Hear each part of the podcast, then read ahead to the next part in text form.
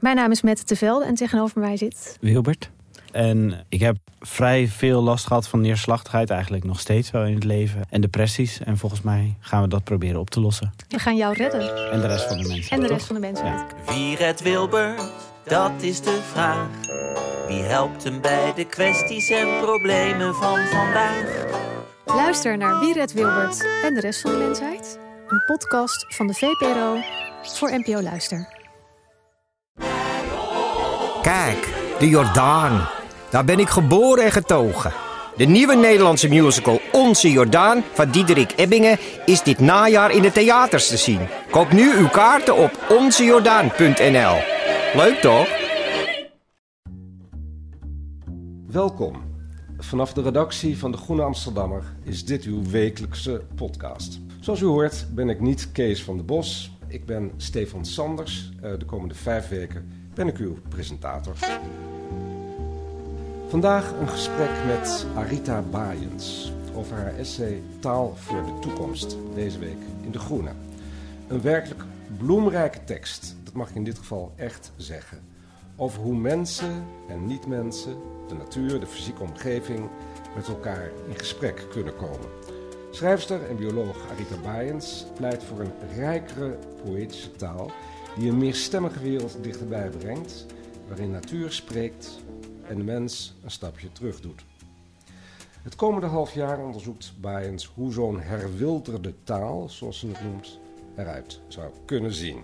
Arita Baaiens, welkom. Ja, dank je. Bioloog en schrijfster en ontdekkingsreizigster. Dat is de droom van heel veel mensen. Hè? Hoe, hoe heb jij het waargemaakt? Ja, dat, ehm, daar rolde ik in. Eh, dus ik ben als milieubioloog eh, aan het werk gegaan, lang, lang geleden.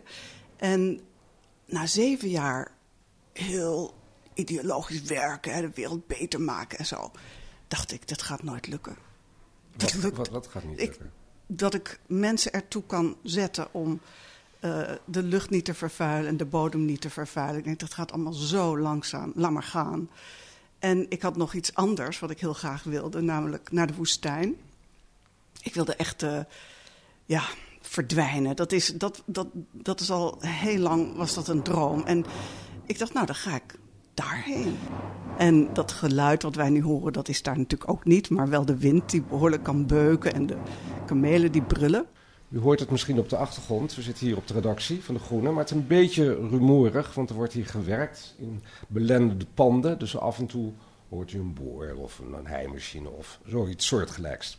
Even terug naar die, want je begon als milieubioloog. Begrijp ik je nou goed als je zegt... eh, het grote probleem van de klimaatverandering... ik zag dat ik daar geen verandering in kon brengen. Ik heb dat maar even opgegeven. Ja. Omdat er zijn zoveel dingen die je in je leven kan doen. En ik merkte gewoon, ik raak overspannen. Omdat ik zo vol erin ga. Dan ben je ja, gewoon heel jong en heel idealistisch. En denk je, ja, dat kunnen we doen. En ik heb op provinciaal niveau gewerkt. En ook in de gemeente Muiden. Dus ik zag die hoogovens en alles wat daar gebeurde. En ongelooflijk interessant. Want ik leerde daar hoe je politiek bedrijft. Hè, hoe dat gaat. Maar ik dacht, daar ga ik toch niet mijn hele leven aan besteden. Dus of ik ga internationaal aan de slag, of ik ga weg en ik ga de woestijn in. Woestijnen. Waarom de woestijn? Dat weet ik niet. Dat, dat is, ik denk, door mijn opvoeding en de Statenbijbel thuis. En die Wij praten over een gereformeerde huizen? Ja. Niet? Ja. Veluwe. Streng, streng, streng gereformeerd? Nou, niet gezien het spectrum in Ede, maar wel als je het vanuit Amsterdam zou bekijken. Ja. Dus geen ijsjes op zondag en naar de kerk. Mijn vader twee keer per zondag. Ehm, ja, ik groeide dus op met schuldbesef. En, eh, en ook die Statenbijbel van mijn vader. En die verhalen elke avond na het eten aan tafel. Weet je, over het volk eh, Israëls. En dan eindigt het zo in die woestijn. En in mijn beleven was dat een plek. Ja, ongelooflijk. En toen ik, eh, ik heb een tijdje in Israël gewoond als student. Toen kwam ik in de Sinaï terecht. Ja, toen was het bingo. Dus dacht, dat is, dat is het. En toen ben ik daar eh, regelmatig eh, alleen naartoe gegaan. Maar het was, de woestijn was eigenlijk te klein daar. Ik dacht, De ik, het moet groter. Ja, Ja. ja, ja. En ehm, nou, toen vond ik een Duitse eh, ontdekkingsreiziger. Via, via die met kamelen door de woestijn trok. Dan praten we nog pre-satelliettelefoon en GPS-tijdperk. En uh, hij nam mij mee voor een paar maanden. En toen was ik, ja, dat was het voor mij. Dus als je zegt waarom, dat is nou echt, ja, dat klinkt heel zwaar, hè, maar dat moest gebeuren. Dus dat, dat zijn dingen die kan je niet, uh, die heb je niet in de hand. Die zou ik ook, als ik het zelf had moeten kiezen, misschien niet gedaan hebben, maar dat moest. Nou, via die Statenbijbel kan ik me heel goed voorstellen dat als jij wordt voorgelezen, zo stel ik me voor, aan tafel, door je vader uit de Bijbel, in die, in die specifieke hertaling, dat die woestijn al leeft. Ja. Dat je daarom er ook naartoe wilt. Waar ben je zo al geweest? Want ik, nou zeg. In landen? Of, uh, nou, heel lang uh, in Egypte. Dus daar kwam ik wel, denk twintig jaar, elke winter, vijf maanden zo. Met die kamelen. Toen ben ik naar Soudaan gegaan. Uh, en daarna naar Siberië, zo'n zeven jaar. Zeven jaar al? Ja, met, uh, dus niet het hele jaar, hè, maar dan een deel van het jaar. Omdat ik, nou ja, dat is een te lang verhaal. Maar um, Papua Nieuw-Guinea, twee keer afgelopen jaren. Ierland, Mauritanië. Maar ik ben wel trouw aan een plek, omdat ik heb gemerkt dat als je daar bent, dan weet je niks. En ook niet na twee en drie keer. Dus je moet gewoon terugkomen en die lagen van de ui afpellen. Nou is voor mij zo'n intrigerende vraag. Je bent gaan ontdekkingsreizen. Was er toen al het idee uh, van tevoren dus... ik wil ook communiceren, in gesprekken raken met mijn natuurlijke omgeving? Of is dat idee al reizende ontstaan? Nou, de grap is, in de woestijn... Het is lastig je daarin te verplaatsen, maar stel je voor je bent echt alleen met drie kamelen in een godsgruwelijk grote woestijn waar bijna geen water is, dan spreekt die plek tot je. Want je moet overleven. En ja, ik heb me daar nooit vragen bij gesteld. Het was heel normaal. Dus dan kwam ik thuis en dan vroegen vrienden: Goh, heb je daar het licht gezien? Ben je spiritueel geworden of godsdienstig? Want ik was ondertussen van het geloof gevallen. En dan had ik zoiets: Nee, ben je gek? Uh, dat, dat, vond ik een eng woord, hè, dat spirituele. En um, toen ik naar Soudaan ging, daar waren nomaden. Dus dan dat is ook nog niet zo vreemd, want de islam lijkt best veel op uh, dat gereformeerde. Ook daar sprak dat landschap, maar uh, wat ik daar merkte was, uh, in Soudaan dus, dat die nomaden een manier van kennen hadden van de wereld die anders was dan de mijne. Zij hadden geen, ja, ze, konden niet lezen en schrijven, de meesten. En dan wordt kennis oraal, dus van mond tot mond, overgeleverd in verhalen. En dan, weet ik nog, zaten we op de kameel. En dat was in het westen, in Darfur. En dan zei Yusuf, uh, ja, hier is mijn broer doodgeschoten. En uh, daar is mijn zus onder die acacia besneden. En daar is dat gebeurd. En dat landschap, dat had herinneringen in zich. En ik weet nog dat een, een, zeg maar een historicus van de, de Kababish-stam... die zei tegen mij, ja, nu gaan onze kinderen naar de kostschool. Dat moet ook. Maar ze verliezen de geschiedenis die van onszelf. Dus ze leren nu de officiële geschiedenis van Soudaan. Maar onze geschiedenis zit in dat landschap. Dan moet je dus met je kamelen gaan trekken. En dan weet je, oh ja, daar is dat gebeurd. En die verhalen aan het vuur. En toen dacht ik, jeetje, deze mensen hebben een ongelooflijk uh, ja, complexe kennis van ecologie. Want hoe kun je kamelen vet mesten in een woestijn waar wij nog niet zouden overleven, een week lang of zo. En gewoon door met hen rond te trekken en te zien hoe dat leven in elkaar stak, dacht ik, wij weten niks. Maar wat je dus merkte, is dat het landschap misschien niet rechtstreeks tot jou sprak, maar wel tegen de mensen die daar wonen, ja. in Soudaan. Ja. Uh, wat ik aardig vind, is dat je net zei, uh, vrienden vroegen je, heb je het licht gezien? Ben je spiritueel uh, geraakt? Ben je zweverig geworden, heet het dan? Ik herinner me van jaren her dat onze prinses Irene, hè, dat die begon om met bomen te praten. Dat vonden we eigenlijk allemaal heel gek, de meeste mensen althans. Dat noemen we geloof ik tegenwoordig wappies. Um, ben je zelf ook bang geweest om in dat vaarwater, noem het spiritueel, terecht te komen? Ja, constant, nog steeds. Ja, want je Ja. bent bioloog, dus je Ja. wil ook graag je wetenschappelijke status vasthouden. Nou, ik denk, hè, prinses Irene, waar ik uh, zeker uh, bewondering voor heb, maar ik wou niet in dat kamp. Ik wilde niet terechtkomen in de terminologie van ik zit niet in mijn energie of ehm, ik voel dit of dat. En dacht ik, ja, flikker op, wat heb ik daaraan? Weet je wel, je, je moet het of eh, goed kunnen verwoorden of het is gewoon fantasie. En dat, waar, wat ik je nu zeg, dat gebeurde me in Siberië toen ik daar eenmaal belandde. Dat ik dacht, mensen geloven daar in natuurgeesten. Die spreken met rivieren, ze zingen daar ook mee, keelzang. En vertelde mij over heilige plekken, over, nou ja, goed, ze hoorden en zagen van alles. En ik, ik probeerde dat ook dan te voelen, maar bij mij gebeurde er niks. Dus ik dacht, ja, wie heeft hier nou gelijk of wie zuigt hier uit zijn duim? En gaandeweg, dus mijn irritatie groeide. Al die shamanen, al die gasten uit Moskou die ook uh, een totemdier daar zagen. En ik was ja, een beetje een bronbeer toen. Ik dacht, ja, wat moet ik hiermee? Het lijkt Volendam wel. Hm. En uh, tot ik mijzelf besefte, ja, maar waarom ga je nou steeds terug? Je hoopt hier iets te vinden, wat wist ik niet. En steeds als mensen iets vertellen over hun cultuur, plak jij daar het uh, etiketje kan niet, gek. Uh, past niet in mijn wereldbeeld. Het angst dat ik in dat kamp zou belanden van die vage, ja, ik weet niet hoe je ze wil noemen. Um, dus toen zei ik tegen mezelf: hoor eens even, als je echt een ontdekkingsreiziger bent, moet je dit aandurven. Onbekend gebied. En toen heb ik het aan mezelf kunnen verkopen door te zeggen: zie het als een brainstorm sessie. Je gaat reizen, je gaat iets ontdekken zonder plan vooraf. Alles wat mensen je vertellen, daar heb je geen oordeel over. En dan ontvouwt zich wel iets in de loop van de tijd. Dat is echt onderzoek plegen. Maar dat was mijn probleem. Hoe doe je dat dan?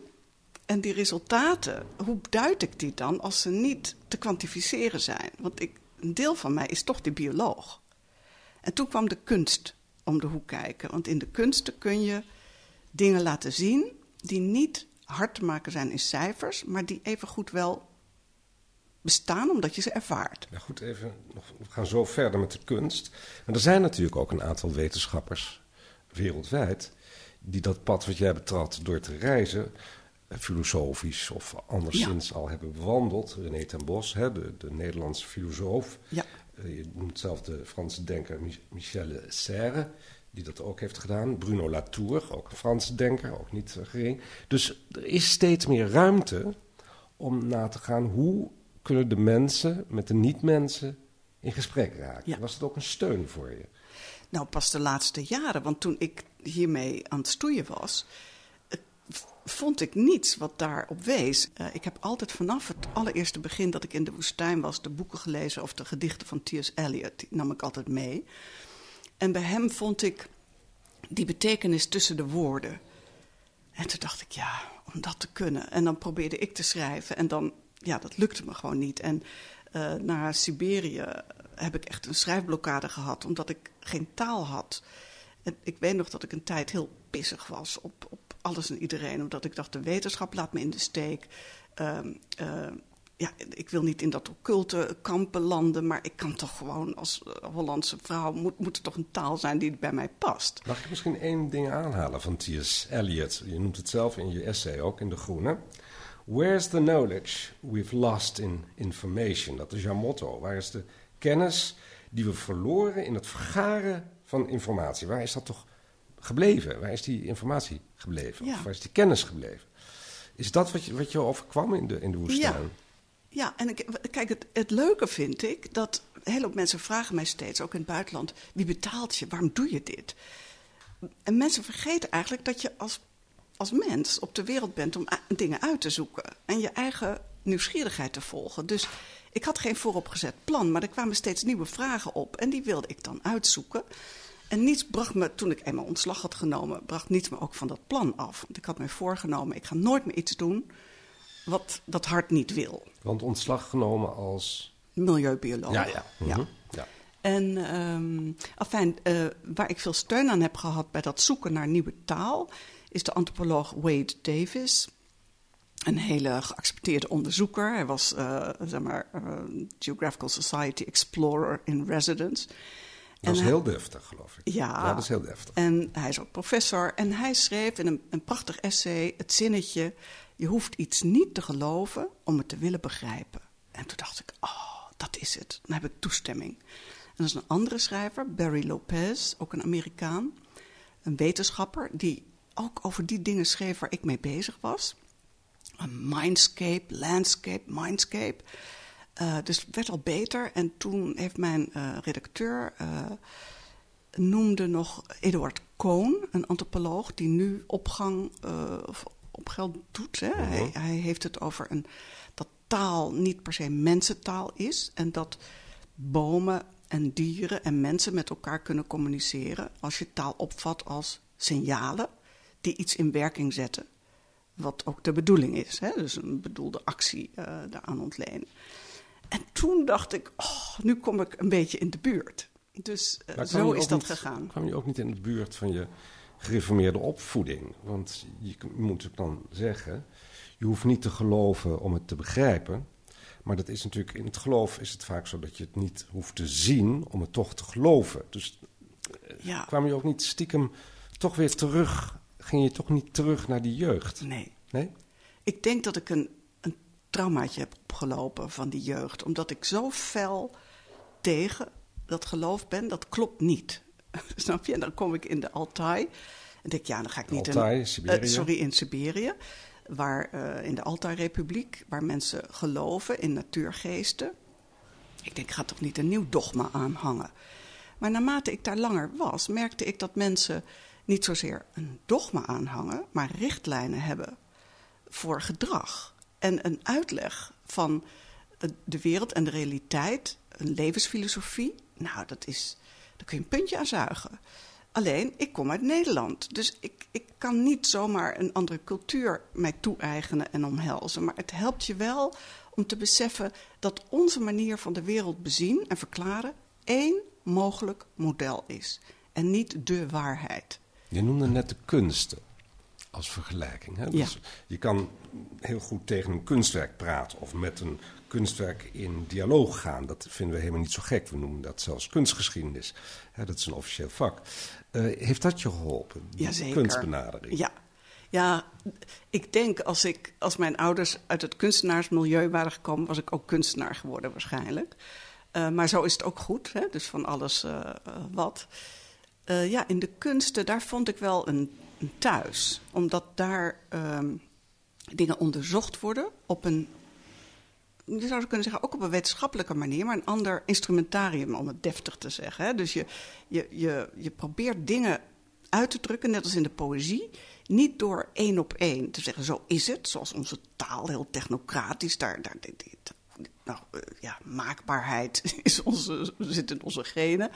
En in de kunsten vond ik die ruimte om vanuit de ervaring iets te laten zien en niet te zeggen dit is waar, maar dit is er ook en dit is mijn manier om daar uitdrukking aan te geven.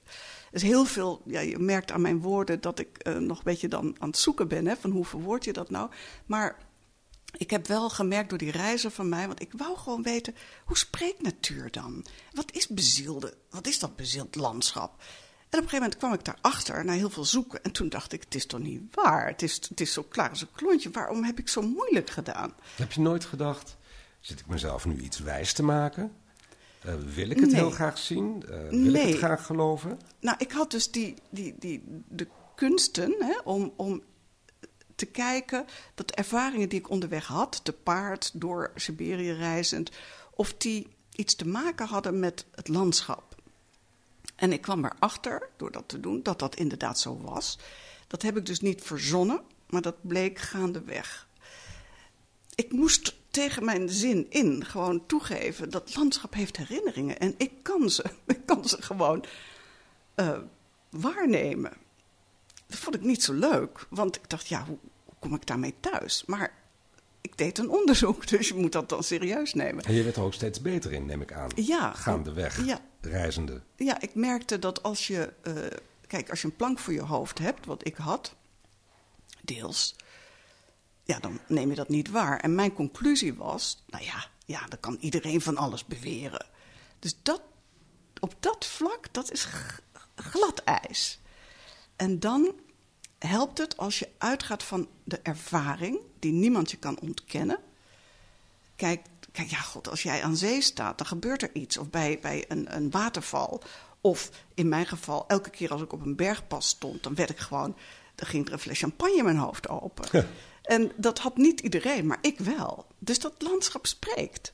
Alleen, ik was vergeten hoe die taal eruit zag. En dat, dat wat, je, ja, wat er met jou gebeurt in dat landschap.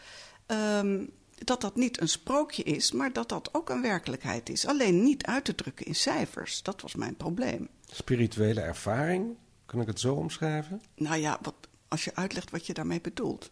Nou ja, jij moet zeggen of het een goede omschrijving is. Want ik, ik weet het niet. Ik heb, ik heb daar niet gestaan in de altaar. Dus Ja. ik, ik, ik weet het niet. Ja, ik, ik ben niet tegen het woord spiritueel, maar het is net als ziel, een soort duizend dingen doekje. Dus als ik zeg ja, weet je niet eens wat ik bedoel. En eh, laat ik het zo zeggen, dat op dat moment, net als in de woestijn heel vaak, was er geen ik meer, geen zelf. En dat, ja, dat bruisende, dat geluk, dat, dan is je lichaam te klein voor wat je voelt. En je voelt je met alles verbonden. Volgens mij noemde Freud dat oceanisch. Nou, Dat gevoel. dat is een prachtig woord. Ja, daar kan ik dat- het nou, oceanisch. Ja, Oceanisch. Daar kan ik het mee eens Dan zijn. het daar Ja. helemaal op. Ja. Want ehm, je kan dat dus ook leren. Om naar een landschap, ook het landschap wat niet van jou is, een landschap in een ver land, om daar naar te luisteren. En die taal kun je dus leren begrijpen. Ja, Dat zeg dan jij. kun je, als je ontvankelijk bent daarvoor en je, je hebt de, de wens, want dat is wat mensen mij daar ook wel vertelden. Als je, want wij moesten bijvoorbeeld op bepaalde bergpassen een, ritueel uitvoeren van een lokale sjamaan. Die zei, ja, als je dat niet doet, dan gaat alles behoorlijk fout. En mijn tolk, vandaar ook, die vandaar is en die Wat zei... moest je dan doen bijvoorbeeld? Nou, ehm, Wassen of... Nee, eh, met melk eh, op, op een lepel aan het strooien naar drie windrichtingen. En zij moest een spreuk uitspreken. Want wij gingen namelijk tegen de klok in. En dat hoort niet. En we zouden de goden boos maken en, eh, en al dat soort dingen. En ehm, dus ik deed dat met haar mee. En toen zei ze, ja, hoor eens even, prima. Maar als je, als je intentie niet klopt, moet je het niet doen. Dacht ik, wat een wijze opmerking. Het is niet een trucje. Dus op het moment, en het heeft ook iets heel moois. Wij, wat, wat bedoel je met als je intentie niet klopt? als, als ik gewoon net als zij denk, oh leuk, gaan we even melk strooien.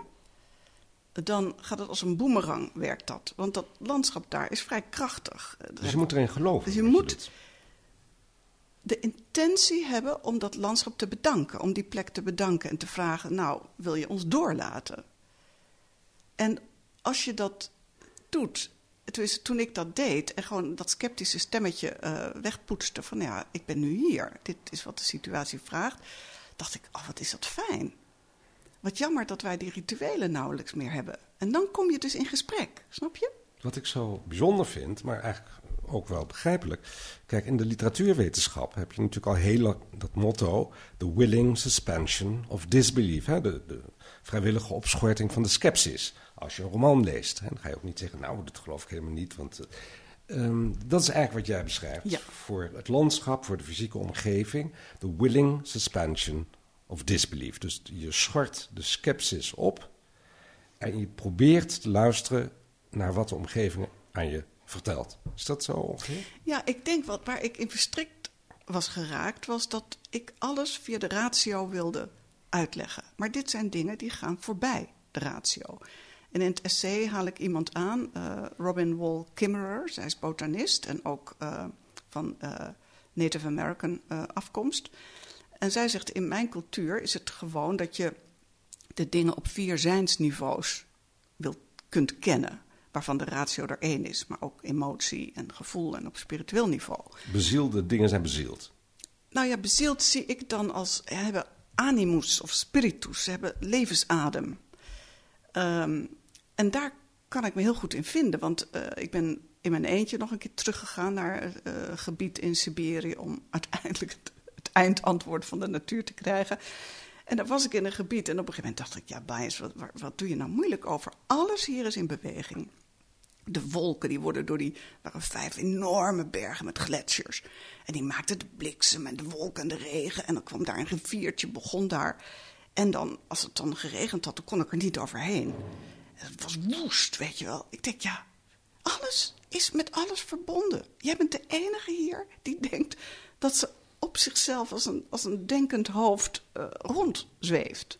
Waanzin. Maar dan kun je gewoon alleen maar aan zien hoe, hoeveel moeite ik moest doen om dat los te laten. Dat idee dat de wetenschap het enige antwoord is op alles. Nou ja, we zijn natuurlijk ook nog eens een keer Nederlanders. Uh, experts in de maakbaarheid uh, en de onderwerping van het landschap. Het, het, oude idee, het cliché van het land dat herwonnen is op het water. Ik weet dat een, een buitenlandse vriendin van mij uit Somalië, waar ik een gesprek mee had over de maakbaarheid en dat ik daar toch niet meer zo erg in geloofde, politiek gesproken.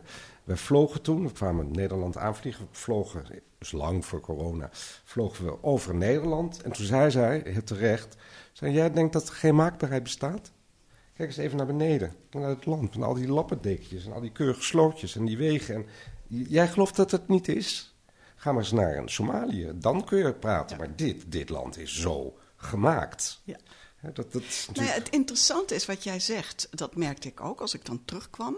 Maar ik heb nooit. Het heeft lang geduurd voordat ik begreep dat het landschap jou ook maakt. En vormt en kneedt. En dan komen we terug op die Nederlandse taal.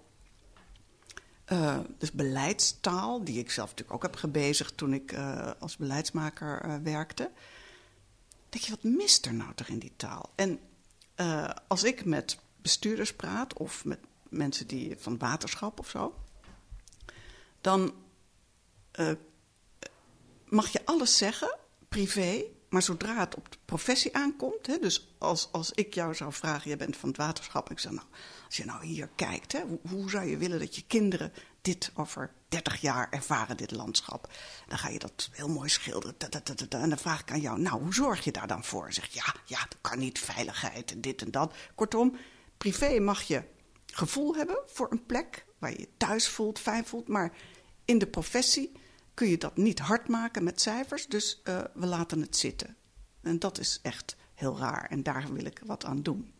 Nou, is het ook zo, dat schrijf je ook in je stuk, dat bijvoorbeeld in het Nederlands zijn we erg geneigd om de dingen te neutraliseren. We, hebben het, maken er een soort neutrum van, het bos. Dus daarmee is het bos als het ware ontmannelijkt, ontvrouwelijkt, ontzield. En dat, dat is iets wat wij kunnen kneden. Dat beschrijf je ook in, in andere talen, bijvoorbeeld in Siberië, is dat anders.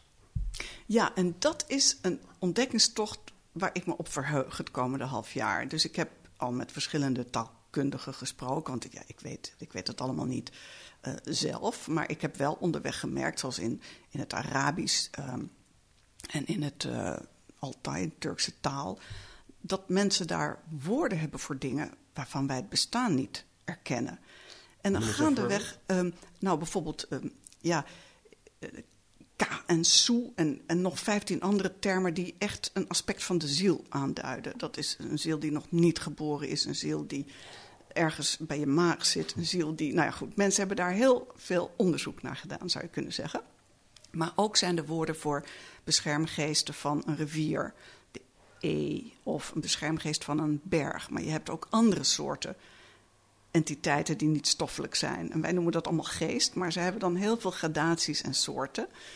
Um, maar het gaat ook over relaties tussen jou en de berg of jou en een, een, bepaalde plek. Dat je niet zegt hier of daar, maar ten oosten van of ten noorden. Of, snap je? Dingen krijgen een richting en zijn geworteld.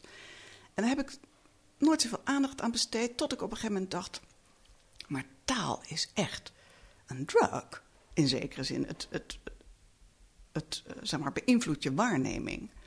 En toen ik daar eenmaal mee ging spelen en over na ging denken, dacht ik: Oh, dat is te gek eigenlijk. Wij, wij hebben geen idee hoe beperkt wij kijken naar de wereld en wat er allemaal mogelijk is. Dus als je nadenkt over welke toekomst je zou willen, maar je laat die grondhouding die je hebt en die taal met rust, dan kom je er nooit dan ben je alleen maar met technologie bezig en geharrewar en cijfertjes over CO2 en dit en dat, weet je, handigheidjes. Maar het gaat over iets anders. En dat kun je deels, denk ik, vind ik fijn om die ingang te nemen. Via de taal kun je dat gesprek op gang brengen over, ja, maar als we nu, uh, net als in het Perzisch, een suffix, hè, dus een aanhangsel aan een woord, plakken, wat aangeeft of dat woord bezield is of niet, dan moet je daarover nadenken. Of als je het vervangt door iets anders. En dan wordt het interessant wat er gaat gebeuren.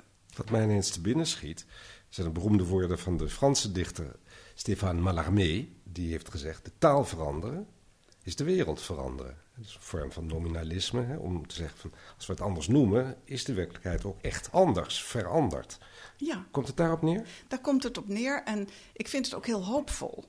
Omdat je ehm, ook kijkend naar die vele culturen die er zijn, die elk een andere manier hebben om zich verhouden tot de werkelijkheid die we nooit zullen kennen, hè, maar die daar hun eigen draai aan geven en een taal hebben die dat ook eh, onderstreept. Ik denk, nou ja, dat geldt voor ons ook. Als je dus een andere toekomst wil, moet je in een ander konijnenhol duiken, om met Alice in Wonderland te spreken. En dat klinkt heel erg naïef, maar het is echt zo. De taal van de toekomst, zo heet jouw stuk ook. Wat staat ons te doen? Wat staat jou te doen? Eh, nou, ons te doen. Ik ga dus eh, eh, met twee lerende taalmachines, omdat taalvernieuwing gaat heel langzaam en de taalalgoritmen die helpen ons om heel snel gekke eh, woorden en zinnen te maken, grammatica-regels te veranderen. Dus vooral gaan we naar de zee. Wacht even, lerende taalmachines. Ja, achter eh, de façade snap ik er geen reet van, als ik het zo ondiplomatiek mag zeggen. Maar ik werk samen met twee kunstenaars en eh, kunstmatige intelligentiekenners. Eén daarvan, Tivon Rice, die heeft ehm, dit taalalgoritme ontwikkeld voor de Engelse taal. En ik, eh, ik ken hem en ik heb hem aan het werk gezien. En toen dacht ik, oh, dit is het. Want dat algoritme wat, hij had ontwikkeld, dat kon in, met drie stemmen spreken. Als een wetenschapper, putte dan uit wetenschappelijke publicaties, als een filosoof en als een dichter. En dan stelde ik een vraag en dan kreeg ik drie antwoorden. Met die wetenschapper dacht hij, nou, wat een, ja, wat een raar gedoe om, om alleen maar in, in dat soort taal iets te zeggen. En bij de filosoof, daar snap je geen bal van. En die dichter kwam, wat mij betreft, het dichtst bij de, bij de waarheid. Uh, maar toen zag ik de mogelijkheid die een kunstmatige intelligentie kan bieden, een algoritme. En dan hoef je niet eens te weten hoe het werkt, maar het helpt je om gekke gedachtensporen mogelijk te maken. Dus wat we gaan doen is uh, met de zee in gesprek, zoals ik in Siberië in gesprek ben gegaan, kijken welke vragen opkomen. Die stellen we aan de beleidsmaker. Dat is een taalalgoritme wat alleen maar uitput uit wetenschappelijke publicaties en nota's. En de zee. En de zee wordt gevoed door science fiction, literair, proza, gedichten, uh, Advaita-teksten. En ja, die algoritmen husselen de boel een beetje. Ja, god, ik moet het even zo ondiplomatiek zeggen. En dan komt er iets tevoorschijn wat ook nog eens weer door mijn molen gaat. Zodat er iets uitkomt wat je aan het denken zet. Waardoor wij in gesprek kunnen komen over... wat nou als we, onze taal, als we het ik weghalen? Of uh, die zelfstandige naamwoorden die we allemaal hebben. Die pak pakketjes betekenis. Als we daar wederkerige werkwoorden van maken. Snap je? We gaan gewoon experimenteren om te kijken hoe een taal die uitgaat van relaties en die de mens minder belangrijk maakt, hoe die taal eruit zou kunnen zien. Want dat is eigenlijk de hele tijd je inzet. De mens minder belangrijk, de natuur, zeg maar even zo, laten spreken. Hoe ingewikkeld is het dan dat het toch altijd weer de mens is die bemiddelt zodra hij de zee laat spreken?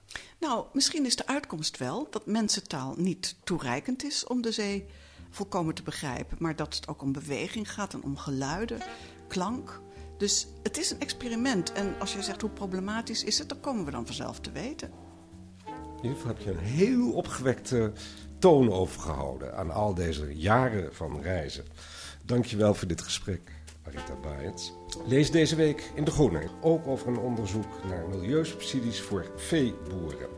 Honderden miljoenen euro's overheidssteun blijken geen enkele bijdrage geleverd te hebben aan vermindering van de CO2-uitstoot. Nou, Arita Baaiens, jij als teleurgestelde milieubioloog zal dit begrijpen. Er staat nog een ander artikel deze week in De Groene. Een artikel over vrouwelijke economen die de laatste jaren de economische wetenschap op de schop nemen. Zaken als duurzaamheid en rechtvaardigheid worden in hun analyses meegenomen. Dat kunt u lezen met een abonnement of een proefabonnement. Ga dan naar groene.nl. En vergeet ook niet om ons sterren te geven in uw podcast-app.